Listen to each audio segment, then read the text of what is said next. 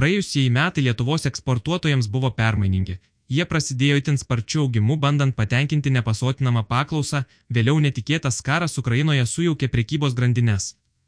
O kosminės energijos kainos vienu metu vertė svarstyti net ir gamybos stabdymo alternatyvą.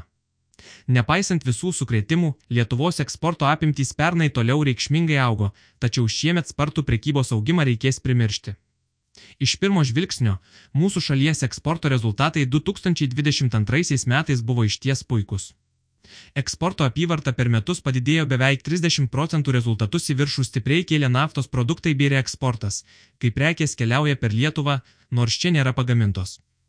Lietuviškos kilmės prekių eksportas, neskaičiuojant degalų dalies, augo 17,6 procentai, didžioji dalis šio augimo buvo pasiekta metų pradžioje, o gruodį eksporto apimtys jau traukėsi. Prie metinio augimo ženkliai prisidėjo maisto, plastiko baldų gamintojai, didinę eksporto pardavimus 15-30 procentų. Eksportuotojų apyvartas reikšmingai augino ir padidėjusios produktų kainos, ypatingai žemės ūkio ir naftos perdirbimo sektoriuose. Chemijos pramonės rezultatus kiek gelbėjo padidėjusios trašų kainos. Tačiau dėl itin aukštų dujų kainų metų viduryje trašų gamyba pasidarė ekonomiškai nenaudinga ir metų gale buvo stebimas gan reikšmingas kritimas.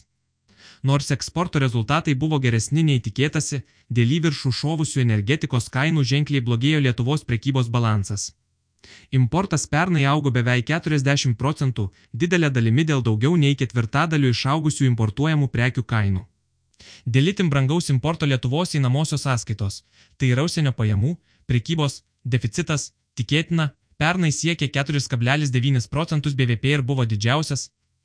Skaičiuojant nuo 2008 metų, savaime prekybos deficitas nėra blogas reiškinys, tačiau šiuo atveju jis atspindi energetinę priklausomybę ir blogėjantį eksportuotojų konkurencingumą.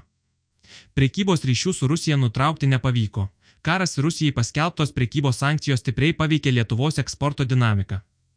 Tiesa, reikia pabrėžti, kad Lietuva ir iki karo Ukrainoje pradžios nebuvo stipriai priklausoma nuo Rusijos rinkos, nes po 2014 metų prekybos ryšiai buvo stipriai sumenkę.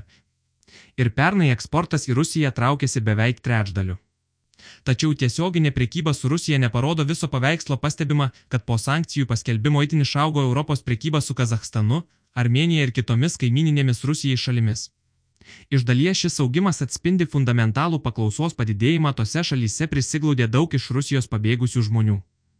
Kita vertus, reikšminga to eksporto dalis padeda Rusijai importuoti tiek vartojimo prekes, tiek ir komponentus, reikalingus jos pramoniai. Lietuvos eksporto vertė į Rusiją ir aplinkinę šalis pernai išaugo 11 procentų, o į Armeniją ar Kirgiziją eksportas išaugo ko ne dešimteriopai. Tiesa, didžioji dalis prekių, keliaujančių į šią šalis, yra reeksportuojamos ir lietuviškos kilmės prekių dalis sudaro vos 7 procentus.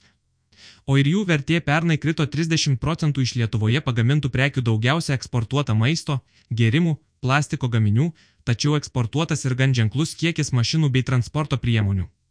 Dėl įvestų sankcijų Rusijai Lietuvos gamintojai žalos daug nepatyrė, prekybiniai ryšiai su šia šalimi ir tai buvo silpni. Su didesnėmis problemomis susidūrė tie verslai, kurie iš rytinių kaiminių importuodavo žaliavas, todėl jas turėjo pakeisti brangesnėmis alternatyvomis. Visgi eksporto duomenys leidžia daryti išvadą, kad prekybos sankcijos yra gana skilėtos ir randama būdų, kaip jas apeiti. Nors Lietuvoje pagamintų prekių eksportas pernai krito smarkiai, visgi panašu, kad lietuviai aktyviai dalyvauja tiekimo grandinėse, kurių galai driekiasi į Rusiją. Eksportuotojų laukia sudėtingi metai.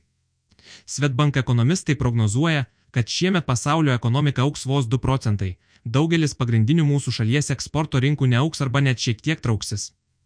Tokioje aplinkoje eksportuotojams bus sunku auginti pajamas ir gali tekti grumtis dėl rinkų dalies. Šiais metais greičiausiai išvysime labai skirtingą atskirų sektorių sėkmę.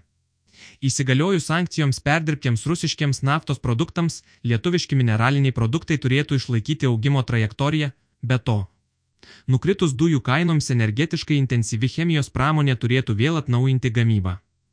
Kita vertus, baldų pramoniai šie metai, tikėtina, bus sudėtingi, nes stipriai išaugusios palūkanos prislopino statybų rinkas daugelie šalių ir natūralu, kad dėl to krenta ir paklausa baldams. Verslo lūkesčių apklausos rodo, kad eksporto užsakymai mažėjo jau kurį laiką ir metų galėje buvo nukritę įtin žemą lygį. Šių metų sausio mėnesį Lietuvos gamintojai raportavo apčiuopiamą eksporto užsakymų padidėjimą, bet kol kas dar per anksti pasakyti, ar tai laikinas susviravimas ar gerėjančių tendencijų pradžia. Vertinant bendrai, eksporto augimas šiemet sviruos apie nulį ar net kiek kris, tačiau dėl atpigusių energijos ir žaliavų kainų nominalus importas trauksis labiau, todėl Lietuvos prekybos balansas turėtų pagerėti.